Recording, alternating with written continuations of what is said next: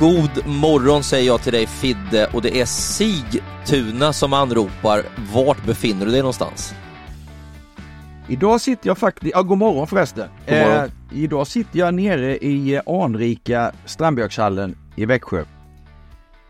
Så är det. Och du har en mössa på dig dagen till ära. Jag ser dig här eh, i video när vi diskuterar. Ja, tänkte inte på det att man inte syns i en podd eh, eftersom jag är sponsrad va, så jag måste ha mössa på mig. Nej men alltså, jag har alltid ty- tyckt så här att de som poddar de är coola va, så det var därför jag, jag var tvungen att ha en, en, eh, en stickad Nike-mössa på Ja. mig idag. Ja, du hänger med. Du, har du haft en fin morgon Fidde? Eh, tycker jag. Eh, tre koppar kaffe. Det är vad jag brukar stoppa i mig på morgonen ungefär. Och sen så eh, läser jag Smålandsposten i sängen med kaffe och nu är det ju då eh, Australian Open och kaffe i sängen. Så så startar jag min morgon i eh, ensamheten där. Så det, det är eh, eh, lugnt och skönt. Ja. Det är inte många som läser papperstidningen längre hör du. ja, men jag har inte papperstidningen. Jag läser den på, på min mobil. Ja, just det, så kan man göra också. Sida för sida, Ja. sida för sida. Händer det något spännande där nere i Småland? Ja men alltså Lakers regerar ju. Det är Ja. ju eh, liksom eh, det, det säger en gammal Brynäsare. Så man, man är sådär dålig. Eh, jag har alltid hållit på Brynäs hela mitt liv. Eh, sen jag var liten knatte, sju år. Eh, det var ju de som var bäst då. Så då höll man på dem, men det är klart att, att Lakers, eh, klart man håller på Lakers. Ja, det är klart, i Växjöregionen där. Ja, just nu är de ruskigt bra. Ja, de är ju det. Jag jobbar ju lite extra Ja. för Sportscom, kommenterar mest Premier League, men gjorde ishockey igår. Och då var det ju i samma region Oskarshamn som åkte upp till Örebro och vann med två mål mot noll. Och tungt, tungt, tungt i Örebro där med ny gammal tränare. Men det, det är något helt annat, för det här är ju faktiskt en tennispodd och jag har lämnat in lillplutten på dagis i morse. Vi går upp 6.30 varje morgon. Eh, Det brukar vara en strålande glad kille, är lite rostigare den här morgonen, men han sov hela natten i sin säng så det var en stor triumf för pappa och mamma. Ja, det är underbart. Ja, jag har lämnat in frun på jobbet. ja, det är bra det. Och Jannik Sinner, han vann i natt igen och nu har han släppt 10 gem på sina två senaste matcher och då säger jag så här Fidde, ringrostig? Nja, Nej men det var ju det jag sa. Det är du som, det är du som eh, gnäller för några ramträffar i första matchen på säsongen. Eh, när man inte har spelat någonting. Eh, vi får inte glömma bort att, att, att Sinner spelade Davis Cup-final, förde Italien till seger där i slutet på, på förra året och det, det gör ju att han startade upp sin off-season lite senare än vad många andra spelare gjorde och därför hoppade han att spela eh, någon vecka innan som han säkert hade gjort annat. Kanske inte veckan innan Slam hade han nog inte spelat men han hade spelat två veckor innan och sen tränat sista veckan men nu bestämde sig för att komma över någon, någon vecka före, före start och då är det inte konstigt att det, det behövs lite matcher så men han gör ju det på ett lysande sätt.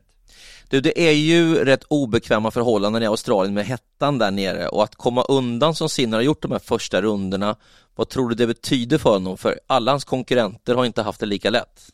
Nej, det, det är alltid bra. Vi känner ju igen det där från förr i tiden. Eh, den, eh, liksom med de, de största tre, fyra, att de städade undan eh, första omgångar ganska enkelt. Det är många av Nadal, Djokovic, Federer som har vunnit Grand Slam utan att tappa set till exempel. Och det är klart att spara sig tidigt i turneringen. Det var ju därför du snackade om Nalbandian här för något eh, avsnitt sen och det var ju därför han aldrig vann en Grand Slam, äh, eh, en Grand Slam för att han var inte fit nog äh, att gå fem set de första omgångarna och sen klara det i sju matcher. Så att eh, mycket berodde det på det och, och därför är det viktigt att vara koncentrerad från start liksom och, och, och spara sig där ute så mycket det går samtidigt som man, må, man måste ju gå fullt men går man fullt och är fokuserad då sparar man lite tid också. Du Fidde, det är en fin tid på året. Snön ligger vit utanför fönstret. Det är sisådär 15 minusgrader. Jag hoppas att Brommapojkarna kan spela match mot Djurgården under lördagen. Jag vet inte om det är så, men när man vaknar upp på morgonen då är det glädjande nog tennis på TV. Just nu möter Ben Shelton Manarino. Han är inte van att spela mot vänsterhänta på touren. Får se hur den matchen slutar. Och eh, i detta nu förbereder sig hemmafavoriten Alex de Minor för ett möte med en av de mest spännande unga spelarna på touren, Kobolli, och det är första gången de möts. Ja, eh, alltså stor favorit naturligtvis, eh, de Minor hemmaplan och sen har han visat här eh, de sista veckorna nu att han har haft perfekta förberedelser. Han verkar starkare än någonsin så att det är klart att han är superfavorit. Men sen är det vansinnigt roligt att se de här nya som kommer som vi inte har sett så mycket av. Eh, Cobolli, mycket, mycket duktig spelare. En i raden av många unga bra italienare. Ja, det är häftigt. Sepieri tvingade fram ett femte set mot Cameron Norrie innan han lämnade turneringen. Men du nämner det återigen vilken generation italienarna har fått fram. Ja, det kommer från att ha brutit ihop fullständigt och sen hittat en strategi och sen jobbat eh, oerhört hårt och sen, sen har de ju väldigt mycket tävlingar på hemmaplan eh, eh och det hjälper naturligtvis till men det är inte bara resurserna som gör en spelare, tvärtom. Utan det är ju inställningen och där de, de liksom gör varandra bättre eh, hela tiden eh, och det är, de har, har idoler att se upp till och eh, det är nog många av de här unga killarna nu som försöker ta rygg på en sinne och göra som han gör och, och profitera från det. Ja, de drar fram varandra och vi minns ju det gamla svenska tennisundret där många av er tränade tillsammans Fidde. Jag vet inte hur det ser ut på den italienska sidan om man liksom sparrar mot varandra. Jo men det är klart man gör. Eh, mm. Alltid och, och likadan, inte bara på banan utan också utanför banan. Eh, det är glädje, det är roligt att resa, man är några stycken och gå ut och käka på kvällarna. Det är ju annars väldigt ensamt ute och du är, du är mycket med ditt team och sådär. Och är man då flera spelare som kommer bra överens då, då underlättar det ju att ha lite kul där ute. Du, du reser ju liksom över 40 veckor om året så att det, det är ju skitviktigt. Det vet man ju själv från, från 80 och 90-talet hur många vi var där ute eh, var ju alltid folk att gå ut och äta med och, och, trevliga middagar på kvällarna och sen gjorde man upp vilka som skulle träna dagen efter och, och, och så vidare. Så att det, det, det, är klart att det underlättar. Jag tycker det där är lite av halva grejen med idrottandet, alltså att man trivs runt omkring med sitt idrottande. Det är inte bara det som händer på banan och eh, du nämnde ju en tidigare eh, finalist i Wimbledon, Nalbandian, en annan är ju Berrettini. Tror du att hans framgång där eh, de senaste åren har dragit fram Sinner också, att han liksom får en känsla av att han kan tro på det på ett annat sätt. Ja, alltså de har ju nästan kommit fram eh, samtidigt, eh, till lite tidigare kanske, men Sinne kom ju ut så himla tidigt också och var bra som attan. Däremot var han inte lika fysisk som Berrettini, utan han har ju jobbat långsiktigt samtidigt som han har, har, har spelat fantastiskt eh, tennis. Sinne. Jag tror han är, han är så stark som man bara kan vara nu. Eh, och eh, sen om man är redo redan i Australien Open, det vet jag inte. Eh, men det kan mycket väl hända. Eh, jag tycker han imponerar väldigt stort och eh, liksom sättet han eh, pratar på, sättet han är på banan mentalt just nu. Tennislivet leker, det är jag helt övertygad om. Däremot då Bertini som du är inne på är ju tvärtom. Det vore ju oerhört tråkigt om, om om det skulle ta slut så här, liksom med massa skador. Eh, jag gillar Bertin, jag tycker han är kul att se på och, och han behövs där ute. Ja. Eh, du, vi ska vända blickarna mot Novak Djokovic och eh, jag lyssnar på The Tennis Podcast också, jag lyssnar på flera poddar här när det gäller tennis. Där diskuterar de lite om när Novak Djokovic börjar känna av ålderskrämporna. Nu är han ju inte riktigt kry. Jag minns att Zlatan, hans kompis där, han är ju till och med och tittar på en del av matcherna där eh, när Milan spelar eh, och även Juventus ehm, kände sig odödlig, eh, Zlatan, när han kom upp i de sena eh, 30 åren och menade att han var ju en Benjamin Button som bara kände sig yngre för varje dag. Hur tror du det är för Novak Djokovic nu när man börjar närma sig 40? Han vill ju själv spela en bit över 40, kanske uppåt 45. Men det säger sig själv att det, det gör ondare på att gå upp på morgonen efter matcher. Det är ju, det är ju solklart när, när eh, åldern börjar knacka på så det är ju inga konstigheter. Men sen, hur, eh, det är ju inte första gången vi hör det här. Från eh, varken Djokovic eller Nadal eller no, Alltså, de har ju alltid krämpor. Eh, och pratar ja. inte så mycket, lite om det för att på något sätt tona ner allting och visa att men jag slår er halvskadad. Alltså det är ju en, en, en strategi också i mental krigsföring eh, från de här spelarna. Nadal förra, eh, förra, för, förra året, liksom det här att jag eh, visste inte ens om jag skulle åka över och spela och så vinner man en Grand Slam. Det blir lite sådär, va? Vad pratar du om? Eh, Djokovic håller på precis likadant så det är väldigt svårt. Eh, självklart har de lite, lite skavanker, men frågan är hur mycket skavanker har de? Alltså, ja. sen är det ju det alltid så att antingen spelar du inte, då, då kastar du in handduken, eller går du ut där och lirar, ja då får man ju utgå ifrån att de är friska. Då kan man inte komma i efterhand och ha ursäkter att säga att jag var ju skadad så jag fick stryk, utan går man ut där och lirar, eh, då är man frisk. Sen finns det inte en spelare som i en Grand Slam-turnering under sju matcher inte har någonting under de två veckorna.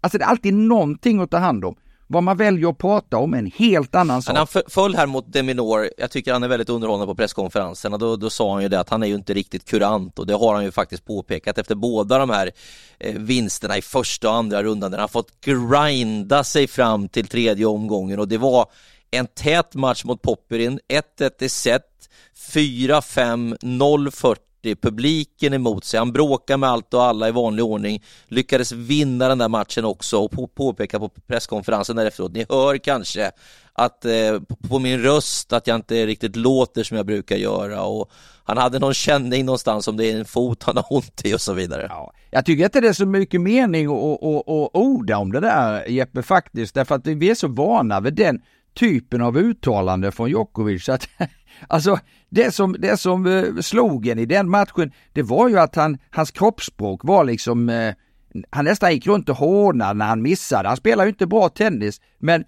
var sjuk, ha ont och så vinner du ändå. Alltså, jag tycker inte det finns någon anledning att hålla på och analysera det för mycket, måste jag säga, för, för det, det får vi bara leva med. Eh, vi kan snacka efter turneringen sen.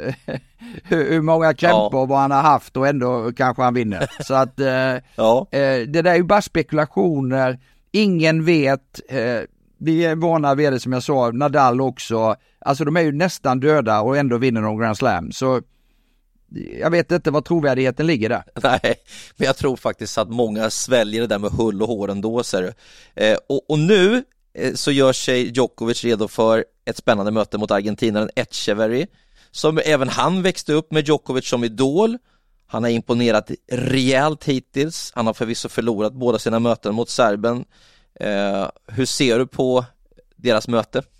Nej, men det kan väl bli ungefär liknande som, som sist. Uh, han var ute på banan, Djokovic. Det är bara att hoppas för hans skull och för oss titta att han är ju betydligt roligare att titta på när han, när han har ett bra eh, kroppsspråk, tänder till mot publiken och är fokuserad och rör sig med hög intensitet. Han var ju väldigt låg sitt, sist men, men klarade ju ut det. Eh, uh, Echeverry, Argentinarna har ju varit enormt besviken på de här veckorna innan eh, Melbourne.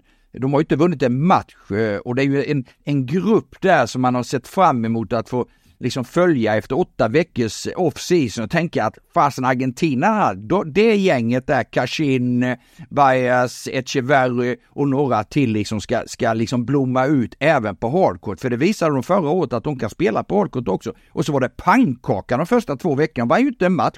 Så där har man ju noll förväntningar i en sån här match från Echeverry. Nu har det sett lite bättre ut, eh, måste jag säga, de här eh, matcherna han har lirat. Men, men alltså, det ska mycket till om han ska kunna skaka om. Jag tycker att matchuppen för, för eh, Djokovic är egentligen perfekt. Det är mycket rull i Echeverrys spel och han kan styra och ställa där och bestämma tempot och, och diktera, tycker jag, om han nu har en hög intensitet i sitt spel. Kan det vara så Fidde, det är ju rena spekulationer, att Argentina har tränat ner sig så hårt så att det tar ett tag att hitta den där formen? Att eh, de här första matcherna, nej? Nej, skulle jag inte säga. Det gör man ju inte utan en, en professionell tennisspelare med, med professionella tränare, de kör ju naturligtvis stenhårt men man har ju ett upplägg där man, där man efter några någon kanske veckas vila efter säsongen är slut. Sen så skickar man sin spelare till fystränaren för att förbereda spelaren för att kunna lägga mycket tid på banan. Han kan inte börja på banan med fyra timmar om dagen. Det är omöjligt om man inte först har byggt fysiken. Så att då läggs det 100% fysik, kanske 10 dagar, kanske två veckor. Sen blir det ungefär 50-50 mellan fysik och tennis och sen går man mer och mer över på tennis och explosiv träning. Alltså det handlar ju om kunskap och det, det kan ju både spelarna och tränarna. Så att, att, att de skulle vara nedtränade, eh, däremot är man ju alltid osäker när man börjar en säsong. Var står jag? Kommer det en förlust i första matchen? Då kanske man börjar tänka lite Eh, man är ju ensam där ute och mycket går genom huvudet. Eh, har vi gjort rätt? Har vi tränat på rätt sätt? Eh, och så vidare. Börja förlora tidigt på året. Det är ett helvete rent ut sagt. För då börjar man fundera hur mycket som helst på vad som är rätt och fel och, och vad man har gjort. Så att en bra start på året är ju fantastiskt viktigt. Eh, du slipper jaga veckorna framåt. Då slappnar du av och så kan du börja spela bra tennis. Det är därför det vi var inne på där Jeppe med att spela veckan innan eller veckorna innan kan vara grymt bra för självförtroendet om, om du gör det bra. Va? Mm.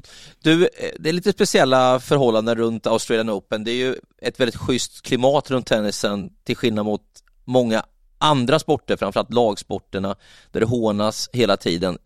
Eh, Djokovic blir ändå utsatt för en del, alkoholintaget är väl rätt stort där nere. Svenskarna hade ju liksom en rätt skön karaktär eh, när vi hade fans på plats där nere när svenskarna var som allra bäst. Men här var det ju några i publiken som försökte eh, komma in i huvudet på Djokovic. Han var ju till och med eh, ute och bråkade med en av supporterna där uppe och kallade ner honom och sa kom ner, say it straight to my face eh, istället och först då bad han om ursäkt.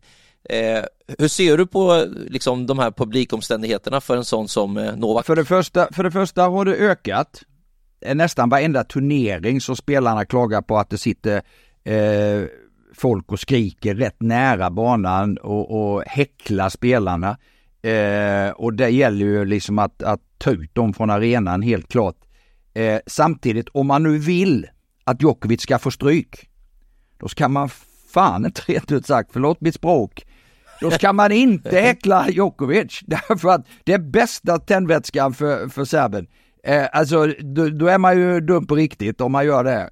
Eh, för att då tänder han ju till om något. Så att det har vi ju sett gång på gång på gång att ju, ju äldre han blir lite mer, ju mer behöver han det där för att verkligen tända till. Eh, han ska inte, jag säger det så många gånger, han ska inte vara Mr Good Guy. Utan han ska vara Mr Bad Guy. Eh, och, och, och, fräsa och bråka med publiken och, och vill att de ska vyssla mer mot honom. Vi ser det så ofta. Och när det händer, ja, tala om för mig när han förlorade då. Ja, det var häftigt att se hans kroppsspråk där. Han gick och, som du sa, nästan skrattade lite åt sig själv och sådär i tredje set. Han tyckte det mesta gick eh, åt eh, skogen för honom där. Så att de har ju verkligen... Ja, jag tycker inte det. Jag tycker inte det är roligt att se när han är på det humöret. Nej. Nej. När han, går, när han inte är tänd, alltså när han går liksom väldigt låg och, och, och, och liksom går och skrattar åt sig själv när han missar enkel backhandvolley fram över nät och där är ju långt ifrån sitt bästa. Mm.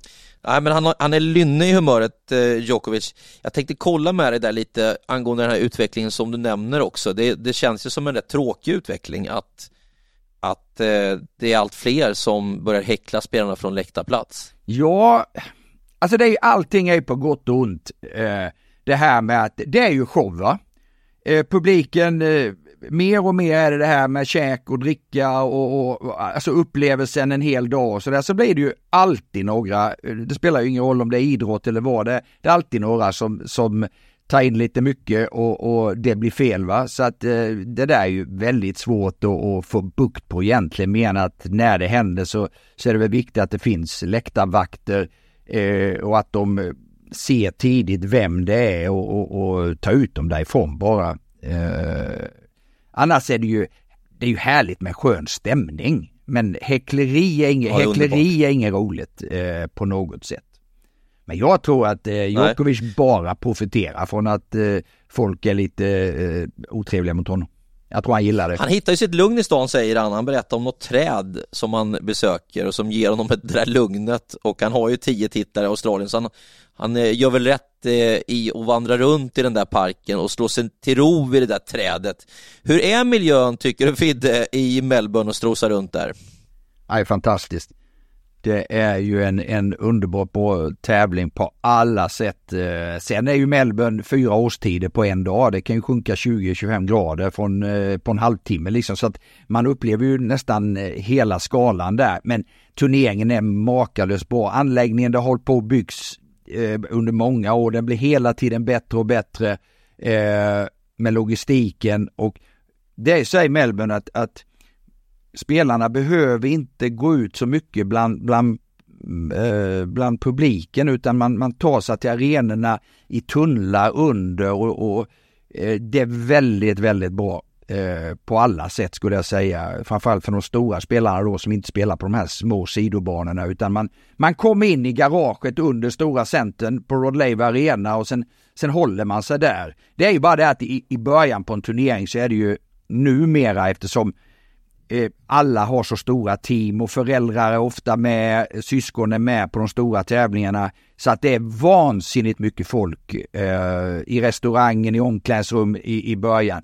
Därför börjar det ju nu då, det är ju en underbar känsla att vara kvar i turneringen till helgen, till andra veckan när när det liksom bara blir mindre och mindre folk i restaurangen, i omklädningsrummet. Eh, eh, träningsbanorna är lätta att få den tiden du vill ha och så vidare och så vidare. Så att det är en fantastisk feeling att vara på en Grand Slam och, och göra bra ifrån sig när, när så mycket folk har stuckit därifrån.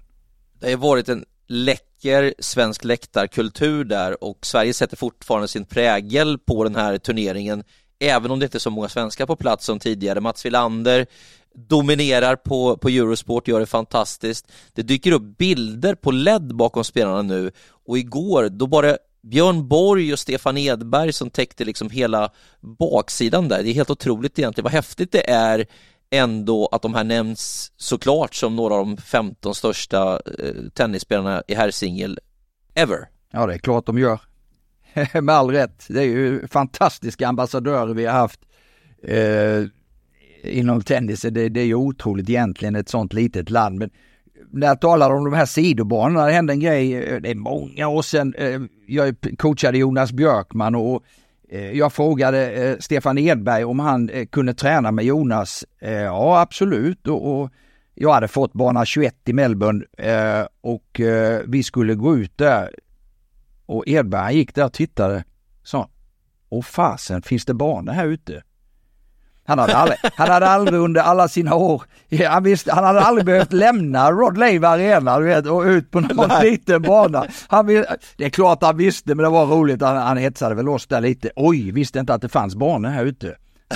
Vet, han hade kommit in med egen bil vet, och sen, och sen uh, spelat sina matcher på center eller, eller bana 1 uh, eh, Eh, och sen åkte ifrån. Alltså, han, han eh, behövde ju aldrig ut i, i bland krokodilerna som man brukar säga.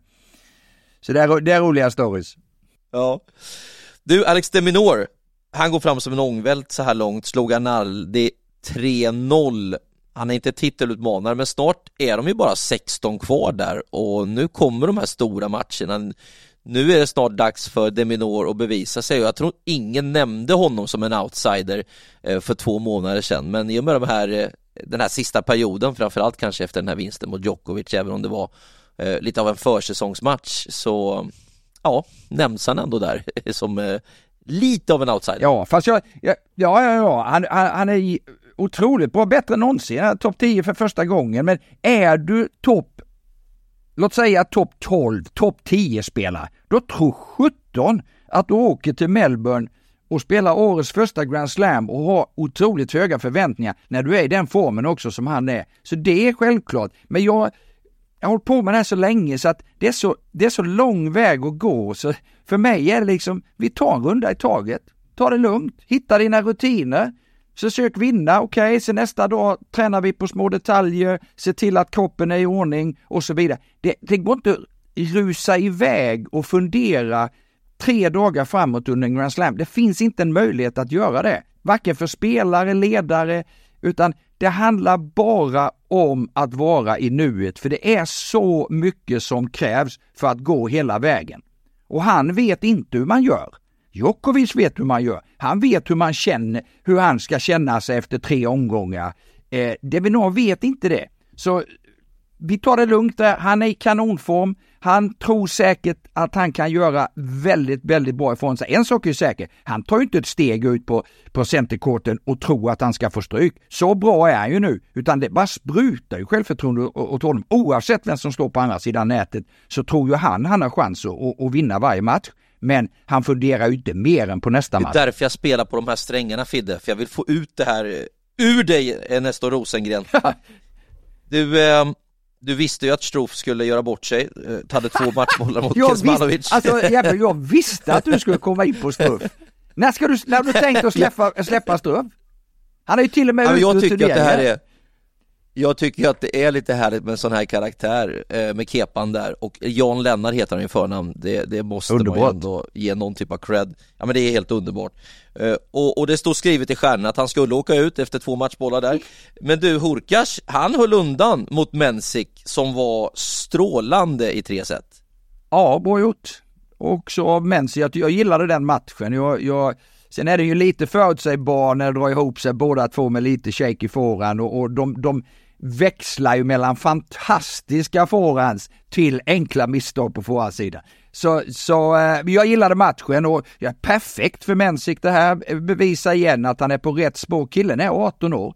Eh, titta hur han servar, titta på hans fysik, hur han rör sig. Vi har varit inne på det här, ytterlägen. Vi ser också Russevori igår mot Medvedev eller igår, ja igår var det, de spelade ja. nästan till kvällen ja. ju. Eh, vi kan prata om det sen. Men alltså, de, den generationen nu som kommer här, ah, det är inget roligt för de bästa spelarna att möta dem här om några veckor. De, de kommer ju bara växa.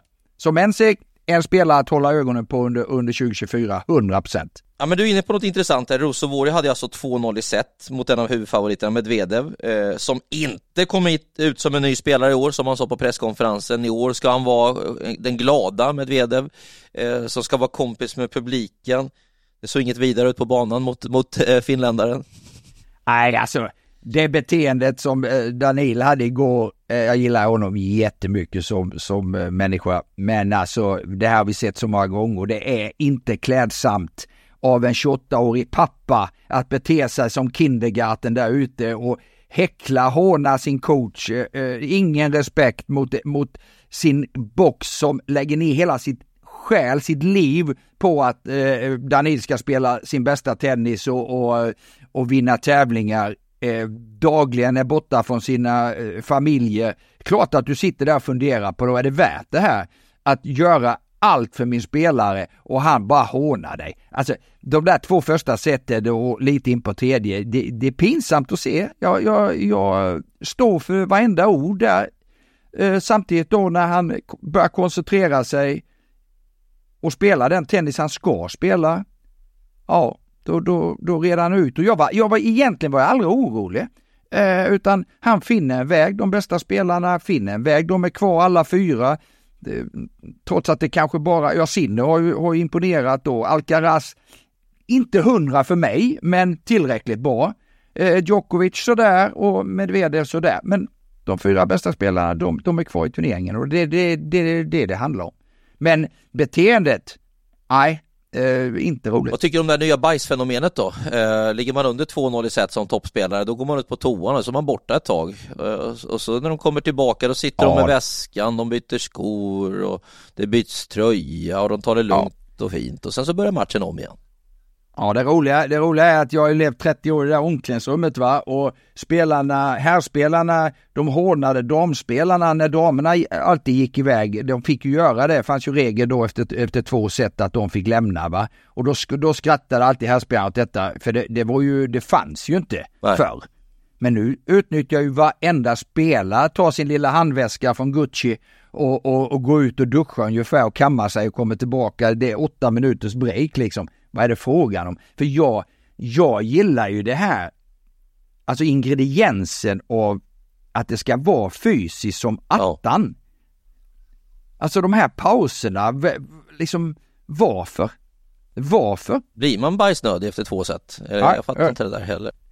Det kan man väl ja, det kan bli. Man få bli. Men det, det, handlar, alltså är man det så är man. Alltså, sen är det ju många som missbrukar det där givetvis. Ligger du under 2-0 i set så, så gör du ju allt för att eh, bryta mönstret och, och, du kanske varken behöver gå på toaletten eller behöver duscha eller behöver byta kläder men du gör det ändå för att kanske lugna ner dig eller det finns ju många spelare som utnyttjar det där och fejkar att du har ont någonstans eller eh, 100 procent och då gäller, och det vet alla spelarna om, och då gäller det liksom att tänka på dig själv, inte gå på det där när det mentala spelet börjar och alla försöker allting utan du får inte gå på det helt enkelt. Nej. Vi har sett, vi har sett Sverre, vi har sett många spelare, vi var inne på det i någon podd där tidigare, att, att de går ju på det här mentala kriget från motståndarna. Du måste vara så stark, bry dig inte, skratta åt det.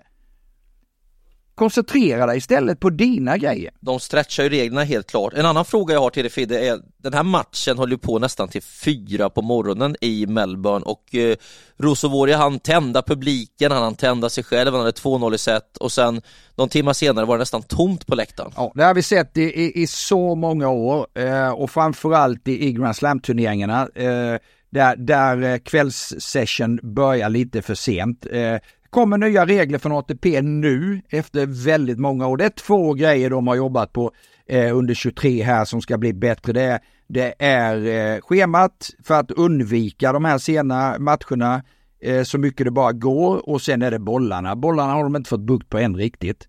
För spelarna klagar på att, att det är för mycket variation på bollarna och det gör eh, problem med armarna till exempel. Eh, att man får problem. Eh, axlar, arm. Eh, men tillbaka till, till det här med tiden då så ja, det är brutalt givetvis att, att avsluta en match eh, halv fyra på morgonen. Samtidigt, eh, jag menar, det är det som är tjusningen också med tennis. Du går in på banan, du vet inte om den matchen kommer vara i två timmar eller i fem. Eh, som ledare då, är, man går från där, matchbollen är inslagen den här gången halv fyra på morgonen. Hur gör vi nu? Allt handlar om förberedelse inför nästa match. Har du 24 timmar på dig eller har du tre veckor på dig eller vad har du? Det börjar där och det är mitt jobb som coach och se till att försöka göra rätt saker där. Men du kan ju tänka dig eh, Medvedev då givetvis lycklig som vinner. Eh, men med adrenalinet, när somnar han? Du måste ha mat i dig. Och sen är det ju alltid det här, och där tvistar din lärde, hur förbereder du dig fysiskt bäst efter en sån match? Går du och lägger dig eller ska du sätta dig på cykeln klockan fyra på morgonen eh, och börja göra det här nerarbetet som du normalt gör?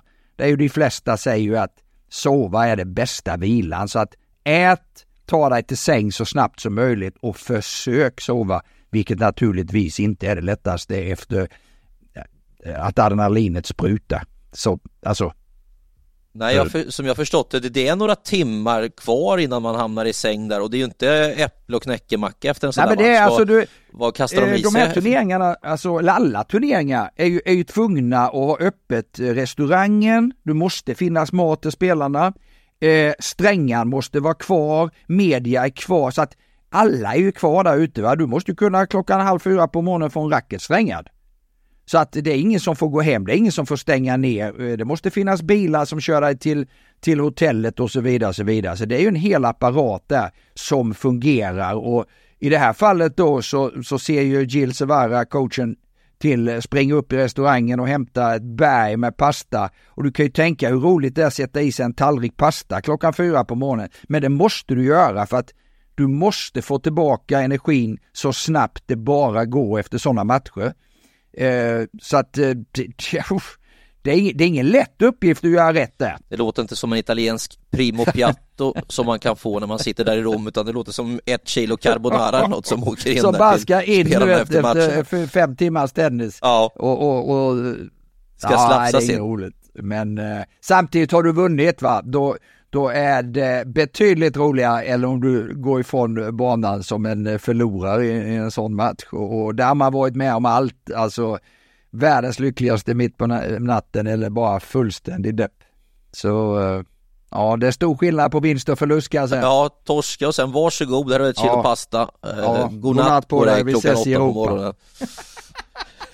ja, fan. exakt. Du, du, du, våra nordiska spelare. Eh, Kasper Rud fick gå fem set, det blir 7-6 i skilje mot hemmaspelaren Purcell, precis som Sverige mot Klein. Det är exceptionellt många jämna matcher hittills i den här turneringen tidigt. Ja, det är rekord eh, faktiskt Jeppe för Australian Open. Det var 20 stycken av 64 i första omgången så gick det fem set. Men däremot också som var häpnadsväckande var, till skillnad från damsidan då, så var det inte många sidor som fick stryk i första omgången. Brukar vara mycket mer. Men sen har det åkt lite nu då i andra omgången eh, eh fler sidor, eh, några tunga pjäser både på herr och damsidan. Men på damsidan, med det är vi ju så vana vid de sista åren att man vet ju inte vem som, vilka som vinner och vilka som är bäst. Det är, det är ju som att flippa en, en, en coin faktiskt. Eh, otroligt många tunga pjäser som är ute. Det var ju faktiskt en, en läcker match igår mellan eh, Rubakina där och eh, vad heter hon nu? Nu står det still. Oh, eh, alltså rekord på damsidan 22-20 tiebreak. Det tog över en halvtimme bara att spela match-tiebreaket i, i avgörande set. Eh, ja. Otrolig match. Eh, det där är ju häftigt eh, att få uppleva sådana fighter. Men som sagt, många tunga pjäser som, som förlorar eh, på damsidan. Eh, nästan alltid fyra olika Grand Slam-vinnare per år. Ja. Du, eh, det känns nästan lite som ett fenomen det här med att det har blivit eh, tiebreak också i många av de här matcherna i skiljesätt. Ja, det, det, det blir det mycket och det, det är mycket tiebreak överhuvudtaget. Jag, eh, nu bara spånar man ju här lite och skjuter hej vilt från höften. Vad jag är imponerad av en, en spelare som, som min gamla adept Karin Hachanov här som har, som har under sina tre matcher eh, vunnit fyra tiebreak. Det är ju en jäkla härlig känsla eh, att veta nästa gång det kommer tiebreak, för det kommer det ju bli. Eh, har jag vunnit fyra, då är man, då är, ursäkta, då är man rätt kaxig och, och har bra självförtroende när det är dags att spela tiebreak. Så att eh, det är bra gjort att ha 4-0 i tiebreak så här långt eh, av Karren. Eh, sen måste jag ju säga, vi måste ju prata om Cassot, eh, fransmannen som slog Rune. Eh, jag tycker det är så läckert just det mentala spelet i en sån match. Du har, de är lika gamla, de känner varandra från de var småkillar och spelade juniorturneringar runt om i, i, i Europa och världen. Eh, och den här Kosovo då som, som har bara spelat på Challenger-touren i stort sett.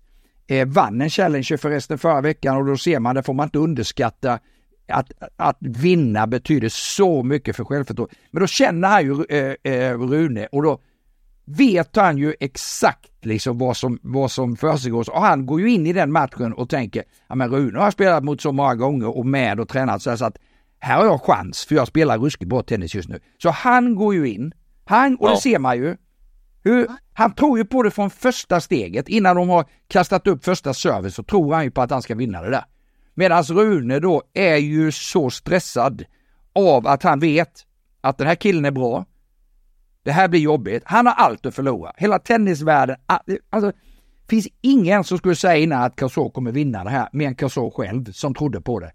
Och det mentala spelet där, lika gamla, han är världsstjärna Rune, alla tror han ska vinna och så går han in och så håller det hela vägen, vilket det oftast inte gör. Du är nära men det, det håller inte. För de bästa spelarna hittar en väg. Men det gjorde inte Rune den här gången och det var eh, häftigt att se att den här kaxiga fransmannen höll hela vägen in. Otroligt bra gjort. Ja, så hans backhand var ju som pistolskott där i slutet av matchen när Rune fick ut honom långt ut på backhand och vilka svar han hade gång på gång i slutet av den här fighten. Jo men äh, Jeppe, det är ju inte, det är ju inte slagen, alltså du kan gå och titta på en nummer 500 i världen som har slagen. Men det är ju allt det andra som jag, man blir imponerad av. Det är ju hur de här unga killarna kan vara mentalt så starka, fysiskt så starka redan och ha allt det där. Slagmässigt finns det 2000 spelare i världen som har ungefär lika bra, men det är så mycket andra ingredienser som skiljer eh, pojkarna från männen. Och alltså det är ju det, hur han agerar där ute. 2-0 i set, tappar tredje mot en världsstjärna som har gjort det där så många gånger på den nivån och sen ändå tro på det. Menzik ja, det, det kanske riktigt. inte på det. Helt. Eh, vi kan dra om fler unga namn som spelar jämt mot de bästa spelarna, vilket är ganska enkelt som jag har varit inne på innan. Så va? Men att klara ut det hela vägen, det är ju makalöst ja. bra gjort. Makalöst Kompisen Artur Fiss mot Grikspår kan man ju nämna. Är, är tycker, ju en av dem. Ja, jag tycker verkligen vi ska nämna Grigsbo för att han, i mina ögon så hade han tuffaste lottningen av de sidade spelarna. Eh, eh, Saffelin i första och sen då Fis i andra. Det är ju, det är ju enormt tuff lottning. Du möter kanske de två spelarna som är de svåraste som inte är sidade och de har du efter varandra. Eh, ruskigt bra gjort att, att stå i, i, i tredje omgången här eh, av eh, Nederländerna tycker jag. Eh, fy 17 var, var starkt. Du, det kommer bli mer snack om Netflix kan jag lova dig, för Holger har ju gett oss alla en chans att tvivla på honom genom att medverka i den här serien. Jag menar, han säger ju själv att Djokovic hade kunnat vara med i tio sådana där serier och ändå vunnit. Jag tvivlar på det. Eh, och om du nu får planera varje dag, varenda timma, varenda minut av ditt dygn med vetskapen om att dina konkurrenter, de är ute på träningsbanan samtidigt som du håller på att spela in speakertexter eh, till Netflix. Vad väljer du då för att bli allra bäst i världen är det tennisbanan eller är det allt det här runt omkring som nu snurrar runt Holger Rune? Och mina tankar går till Gunde Svan, Ivan Lendl med flera, sådana här karaktärer som gav allt varenda sekund dygnet runt för att bli så bra som möjligt så länge de var aktiva och för att optimera sina möjligheter att bli bäst. Eh, den här typen av frågor kommer Holger få året ut tror jag. Ja men alltså det är väl, är det inte det som karaktäriserar en, en världsstjärna i en idrott? Uppoffringen. Att varje ja. dag se dig själv i spegeln. Eh, vad har jag gjort idag för att bli bättre imorgon? Och det är ju det som, igen, det är det som skiljer. Den här totala fokusen och besattheten av att se hur bra jag kan vara och under lång tid. Det är ju inte det att vara världsetta i två veckor utan det är ju att under 20 års tid vara så dedikerad det du håller på med som få idrottsmän, det är få idrottsmän förunnat att vara sådana. Vi pratar om talang, men om inte det är en talang att offra, jag ska inte säga offra allt, för det, det gör, men har offrat extremt mycket. De flyttar hemifrån, nästan alla de här lirarna på tidigt stadie, lämnar familj, syskon, vänner för att bli tennisspelare eller någon annan idrott. Eh, det är ju det som är så fascinerande tycker jag. Att de är besatta av det de håller på med. Jag undrar hur teamet runt eh, Holger tänker. Nej, men det är, det är ju det här. Vad har du för folk runt omkring dig och vad vill du själv? Du måste ställa dig frågan. Du måste titta dig själv i spegeln. Du, du kanske är nöjd med att vara där. Du kanske är nöjd med att vara åtta. Jag vill ju inte jobba med en spelare som inte gör allt för att bli bäst i världen. Alltså, Gör allt och sen ser man hur långt räcker det. Men har man inte gjort allt, det måste kännas jäkligt bittert när du inte har maximerat din potential när du är klar med din, din eh, eh, karriär. Tänk att ångra någonting. Var, jag var fyra i världen, jag var femma i världen. Jag gav inte allt. Tänk om jag hade kunnat bli ännu bättre. Varför maximerar man inte det? För mig är det helt obegripligt att man vågar göra såna här grejer. Sen finns det ju folk som säger då det är bra att ha något annat eh, eh vid sidan om och tänka på något annat och sådär. Visst, det finns säkert sådana. Men jag förstår inte Rune, jag förstår inte, och det är inte bara han, det är ju många fler där. Som TFA och eh, åkte tidigt liksom. Hur är fokus? Därför att träna stenhårt varje dag på detaljer, att hela tiden tänka rätt och göra rätt beslut undvika dåliga dagar, de där 365 som är på ett år. Eh, det kostar energi, fokus och du ska veta när du har gjort det här att jag har, gjort, jag har försökt göra allt rätt. Jag har tagit varenda beslut för att spela så bra tennis som möjligt. Vet du det, då, är du ingen, då behöver du inte vara rädd för att fejla. Då är det helt okej okay att, att spela dåligt eller men vet du om att du har ruckat på det? Sitter du i omklädningsrummet och har förlorat en tennismatch? Fan men jag skulle sovit mer, jag skulle ätit mer, jag skulle inte ha gett den intervjun, jag skulle inte gjort det och det och det. Precis som du är inne på. Du har ju den fria viljan. Du bestämmer ju. Och vad vill du? Du måste ju veta det. Vad väljer du Holger? Netflix eller välja ett eget träd där istället någonstans i centrala Mellan? Ja men det är så, det är så uppenbart. Var, varför ser vi inte, varför ser vi inte, eh, nu har ju Federer slutat, men varför ser vi inte Nadal, Djokovic och de här i Netflix? Det är en ganska enkel, eh, ja. ett ganska enkelt svar på den frågan.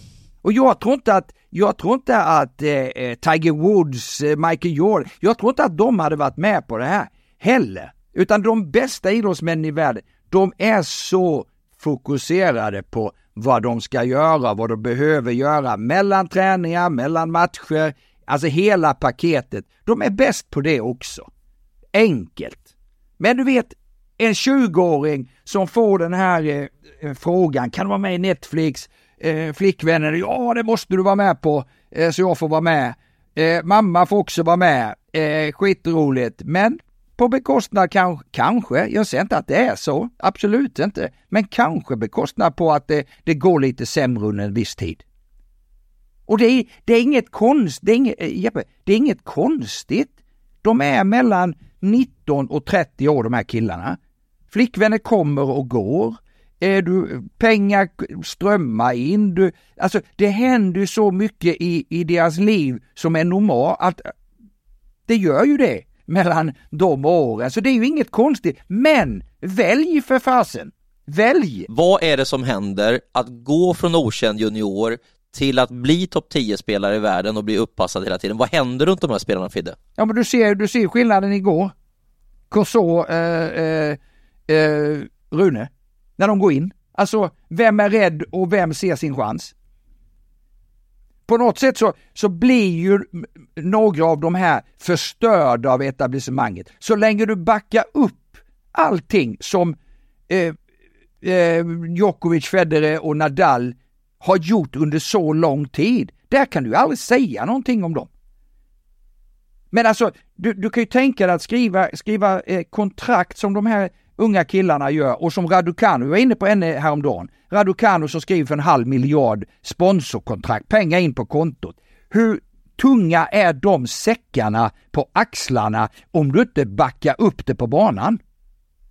Alltså, du gör dina, dina eh, sponsorer besvikna, du gör dina föräldrar besvikna, du gör dina, din coach besviken, du är så besviken, besviken. Hur ska du kunna spela tennis då? Du, Raducanu, hon, hon är inte ens kvar i turneringen. Jag tänkte återkomma till damerna. Nej, men du får inte säga ens, Jeppe, för att hon, det är kul att hon mår så pass bra så att hon spelar. Den förväntningen, eller du kanske tänkte säga något annat där? jag, jag högg direkt. För jag tycker ja, hon precis. ska... Nej, vi hade något helt annat, jag hade något helt annat okay. jag tänkte lyfta ja, men fram kom då, skjut då, skjut då. Ja, det kommer om en liten, liten stund ser för jag har ett par spelare till på här sidan som jag skulle vilja nämna i och med att vi pratat om de unga. Du, våra poddar är inte korta du. Men vi ska försöka hålla dem till under timman, vi ska se om vi klarar det idag då. Vem orkar men, lyssna? Men innan dess ska Alex Mikkelsen ändå få en shoutout tycker jag av oss. Han slog till och med Lehetska här senast. Ja, det är ruskigt bra Jag ska tala om eh, eh, varför jag inte hade med Mickelson och Stricker bland mina unga spelare. Självklart tittar jag igenom dem och de är eh, som, som Mickelson eh, topp 100, eh, liksom borde, många undrar säkert varför tog han inte med honom och så. Eh, sen är det lätt att, att vara efterklok. Men jag ska helt och hållet på när jag ser dem, Stricker och han, så tycker inte jag de ser tillräckligt vältränade ut. Och eh, därför jag kan ju ha totalfel. Eh, och det lär ju visa sig. Men tycker inte riktigt att de har den där attityden att de gör allting för att eh, vara så pass bra som möjligt. Men de lär ju kanske bevisa motsatsen här eh, snart. eh, imponerande av amerikanen, mycket imponerande. Eh, ja, så där, där, får man väl, där får man väl göra en pudel med en gång liksom. Mm. Alltså, landsmannen TFO är utslagen, men eh, Jun Cheng Chang är vidare och nu får han sitt elddop mot Carlos Alcaraz. Säg det igen, tänk att vara så ung och så bra som han är, så bra fötter och få gå in och, och möta eh, en av de bästa spelarna i världen på centerkorten, kan inte bli bättre. Och han, han, kan, han kommer bara lira, allt är positivt. Varenda grej han har gjort här. Han kommer åka härifrån med så mycket erfarenheter, spelade bra veckan innan, eh, två veckor innan var det va, i Hongkong och, och så liksom här då, mm. fått wildcard, vinner matcher. Alltså det är sådana positiva veckor för den killen. Och han kommer in och, kom in och göra en, eh, gå in och göra en, en kanonmatch, det är jag helt övertygad om. Sen hur långt det räcker, hur många GM eller om han tar ett set eller vad det blir, eh, det återstår att se. Självklart ska han inte vinna. Men eh, ja, det är ju en drömmatch för en, för en kille av hans kaliber. Ja, du som banorna ser ut idag och bollarna och sådär. Jag tycker många av de här unga som dyker upp är stöpta i liknande formar. Eh, precis som liksom alla spanjorer såg ut på samma sätt när de dök upp i stort sett. Grunderna var de samma och på 90-talet då var det många stora spelare med stora servar när det var snabbare förhållanden. Idag är det mer fokus på fotarbete. Ja, det, det, det är ju på, alltså det är bekostnad på att, att bollarna är långsammare, banen, framförallt banorna är långsammare och då blir det lite det här, tyvärr skulle jag säga, för hade vi en, en grässpecialist, en grusspecialist, men de senaste 15 åren, om du har sett en final mellan Federer och, och Djokovic eller Federer Nadal eh, i Paris så ser nästan matchen likadan ut på Wimbledon-gräset. Och det är ju kanske lite synd, eh, eh, tycker jag eh, i alla fall personligen. Sen är det ju en, en, en fråga om vad man gillar givetvis.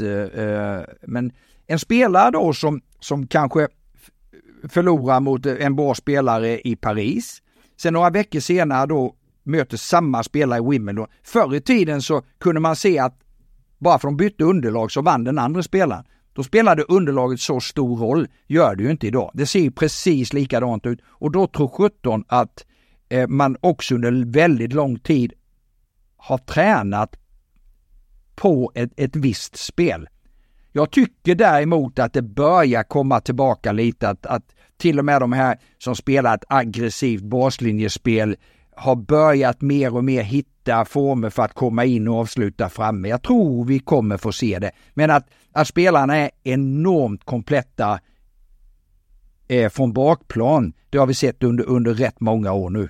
Hur bra de rör sig, hur bra forehandbackarna är, hur de täcker banan och så vidare. Och framförallt med vilken enorm svinghastighet eh, man slår till bollen idag. Det är, näst, det är nästan kusligt hur, hur man hinner med och ändå missa så pass lite från bakplan. Jag satt och funderade på varför jag tyckte det var så spännande när Rune och Alcaraz dök upp eh, och jag blev lite förälskad i dansken, inte bara för att han är dansk, vem älskar inte danskar, utan snarare för ja, pulsen älskar vi ja, också. Pulse. Eh, men just att båda kunde mixa upp spelet, båda kunde komma fram, men också slå stoppbollar i oväntade lägen. Det kändes som att det var någonting nytt som höll på att hända det fick man inte se lika mycket från Holger här senast, kanske var han lite spänd, jag vet inte om han har ändrat någonting i sitt spel men, men just att de har lite fler eh, element i sitt spel än många av de här andra som blir lite ensidiga som du säger från bakplan. Ja, många, många gillar ju det där variationen och många gillar disciplinen så att det, det, det, det är en smaksak alltid. Det går, det går aldrig att, att liksom tillfredsställa alla. Eh, omöjligt.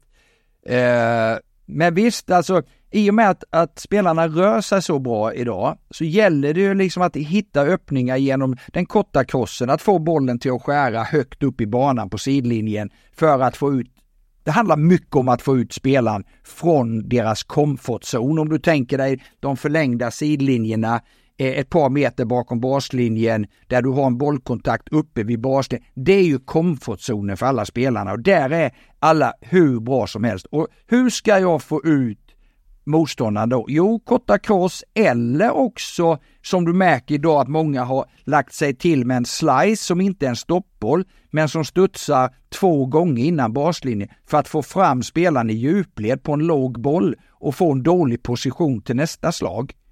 Så att det är mycket sånt man jobbar med som spelare och tränare. Hur ska vi sätta min motståndare i en dålig position så jag skapar ytor så jag överhuvudtaget kan komma fram på nät eller slå en vinnare genom baslinjen. Då måste jag ha byggt upp spelet på ett bra sätt och där jobbas det enormt hårt ute på träningsbanan. Där har du mitt favoritslag Fidde. Jag blev så jävla slagrädd med dubbelfattad backhand så jag blev bra på slice istället. Du blev bra på eh, slice? Steffi Graf-slicen. Ja, Steffi Graf-slicen. Så du passerade du, ähm... med slice också? Nej, det var bara Steffi som kunde. Ja. Eh, där är jag körd. Där, där är jag redan läst. Ja. Eh, en fråga bara innan vi lämnar herrarna. Stefan Edberg, Boris Becker, ja men hela den här generationen som spelar servevolley och så kom Pete Sampras och krönte liksom det här spelet på sitt sätt. Är det slut eh, med den typen av spelare? Kan man inte ens spela servevolley längre? Går det för fort? Nej, det kan du. Eh, beror på vilken matchup det är, vem du möter.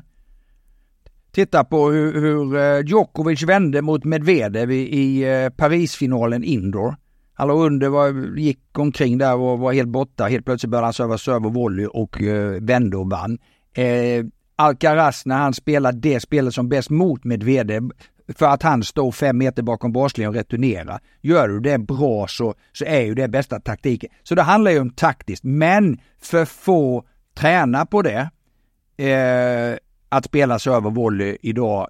Eh, jag tror vi kommer få se det igen. Jag tror det. Helt klart. Det finns vissa spelare som gör det. Struff gör ju det, till exempel din favorit. Det är min gubbe. Uh, men, men, ja, det är din gubbe. Han gör det. Det är därför du gillar Struff, eller? Ja, nej, inte bara därför. Jag tycker det är lite kul också. Struff, men... uff, uff, uff, uff, som vi brukar ja, säga. Ja, nej, men den, de spelarna som konsekvent söker nätet tänker jag på, som ständigt vill fram, väntar på varenda läge att komma fram. De spelarna ser man inte längre. Är det Nej, för att det inte går längre? Eller tränar de inte på det? Varför finns de inte där ute?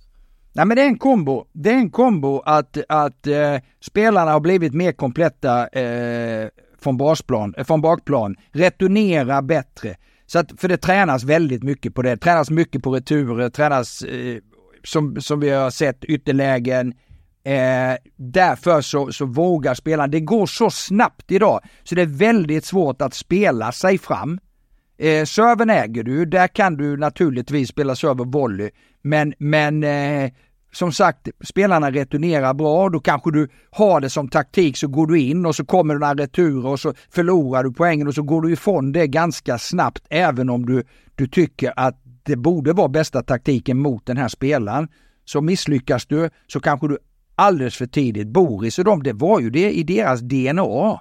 Eh, Edberg, Stich, alltså de här spelarna, det var ju server volley. Eh, Goran, eh, eh, Pat Cash, Rafter, eh, Jonas Björkman till viss del eh, hade kanske inte riktigt den serven men han kom in på returerna istället så han mosade ju spelarna på det viset. Eh, det går att rycka eh, men, men du, du är ju rätt ute. Vi pratar mycket om Tim Henman var ju en sån spelare som, som spelade serve och volley och, och jag tycker väl kanske personligen att den där mixen mellan en som spelar serve volley eller kommer fram mycket och en bra baslinjespelare blir roliga, eh, blir häftigast tennis på något sätt. Men sen samtidigt gillar man ju det här schackspelet där, där de står, det, det är ställningskrig från bakplan. Åtminstone jag gillar den disciplinen när det är kontrollerad tennis. Mm. Det är dynamiken jag är ute efter, alltså Boy McEnroe-matcherna just den här dynamiken när du får en av varje tycker jag är otroligt härligt att se i, i de tennis. Jag vill se mer av det samtidigt som jag ser Novak Djokovic nu komma ut på centerkorten. Och innan du avbröt mig Fidde för en stund sedan så hade jag tänkt säga Har jag avbrutit dig någon gång? Ja, ja, jag skulle prata om någon helt annan än Emma Raducanu. uh, därför 16-åriga Miran Andreeva Eh, Eh, besegrade Ons Chabeur 6-0, 6-2 i en match där de var precis så överlägsen som siffrorna visar och de flesta hade nog tänkt att det här blir precis tvärtom. Lite märkligt med Chabeur får man ändå säga, men framförallt Andrejeva som är vidare i natt också efter att ha vunnit i skiljeset mot Paris 7-6 och är i fjärde rundan. Och nu kommer en ny komet på damhimlen. Ja fast det är hon inte Jeppe. Hon, hon, eh, vi har pratat om henne rätt mycket faktiskt. Eh, ny och ny, det beror på om du säger ett år tillbaka eller mer. Men, men alltså hon, hon har ju kommit upp redan förra året och, och, och gjort fantastiska matcher.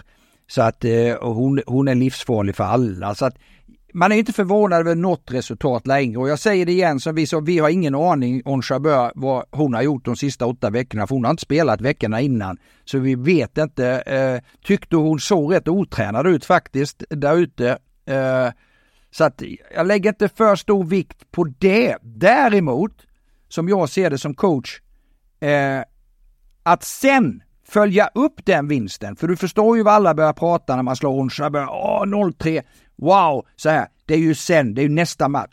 Följer hon inte upp det med en vinst, då blir trovärdigheten på den segern är ju helt borta. Så att den matchen hon spelar i natt, där hon vinner igen, den är mycket, mycket viktigare. I min värld. För då blir det, du ser, stenhård match, tre set, den klarar hon. Det är bra gjort. För du vet, alla ryggdunkningar efter att ha slått On Jabeur, världsstjärna, eh, det ska du följa upp och det är så starkt gjort av en 16-åring att vara så mentalt stark så hon inte bara går omkring och jublar och tar åt sig av allting utan säger till sig själv och sitt team, vi vill mer. Vi är inte färdiga med att ha slagit Don Chabeur utan jag vill vinna mer. Och det, det är ju den mentaliteten, attityden som, som vissa har och vissa inte har.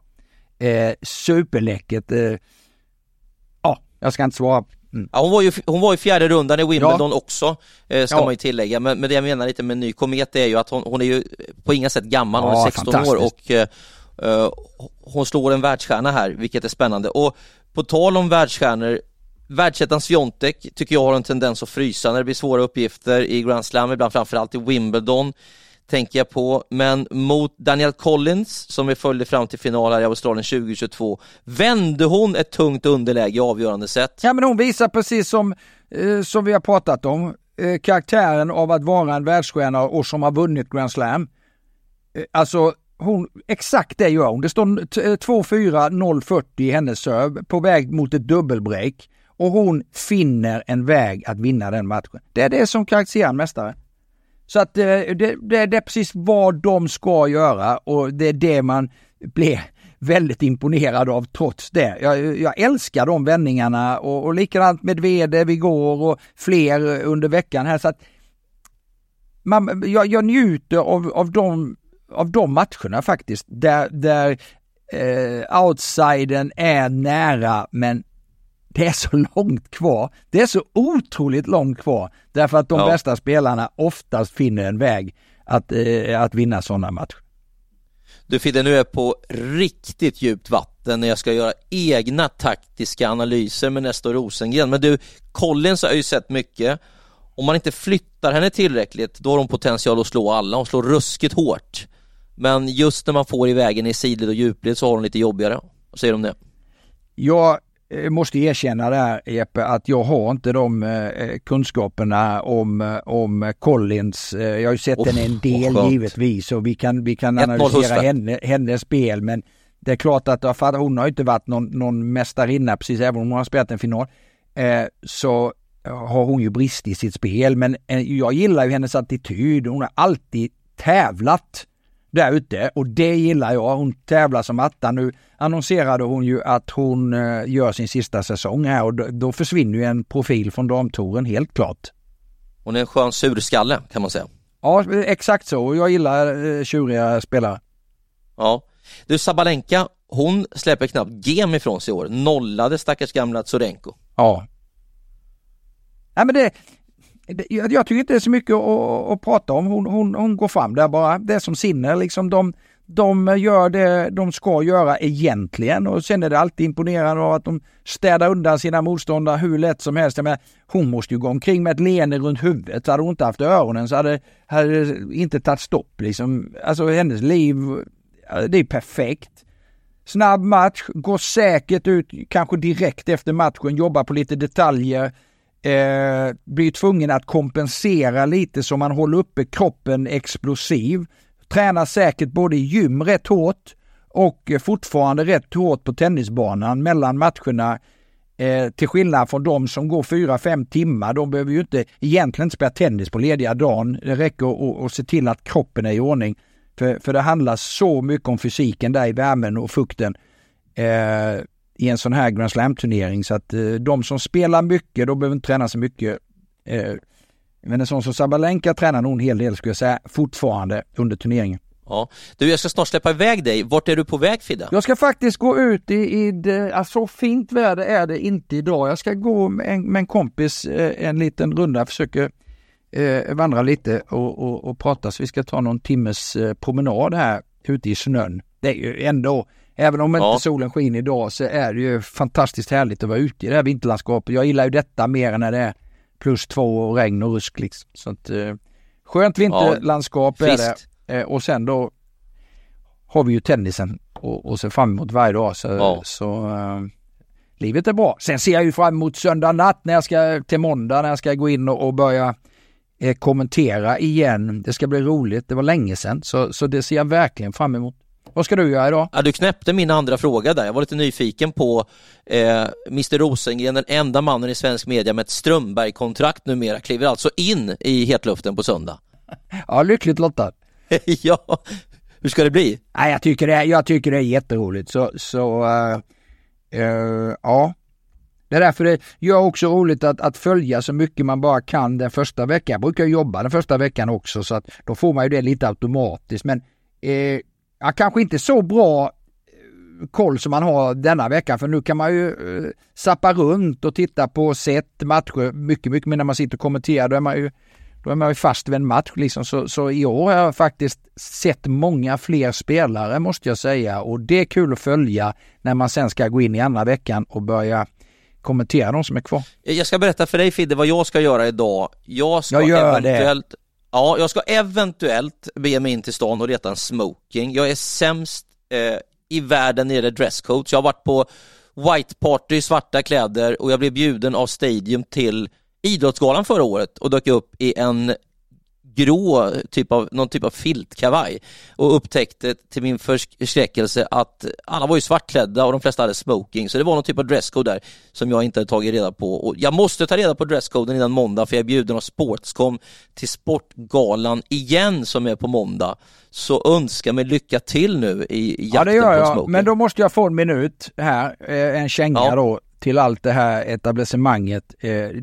Eh, har det blivit, det, har blivit någon, någon eh, form av eh, eh, journalistgala istället va? Ja, jag tror att mer... Det känns nästan som att, att journalister är mer inbjudna till, till, till idrottsgalan än vad idrottsmän och coacher. Du vet, när vi var som bäst, när man tränade, när man tränade Magnus Norman var tvåa i världen, vi var inte ens inbjudna. Nej, men jag har aldrig varit på, som coach, jag har aldrig varit på en, en idrott, aldrig varit inbjuden på en idrottsgala. De, Thomas Johansson vinner en Grand Slam, han var inte inbjuden på Idrottsgalan. Nej. Idag när man tittar på Boden som sitter där, ja gamla idrottsmän, det tycker jag är underbart att man hedrar dem. Men sen, det är nästan mer mediafolk än idrottsmän. Det kan du få till uppgift av mig och ta reda på varför det är. Jag glömmer det aldrig när de ringde. Jag vet inte vilka det var, men de ringde och hade kommit på efter några år att vi måste ju ha tennisspelare på galan.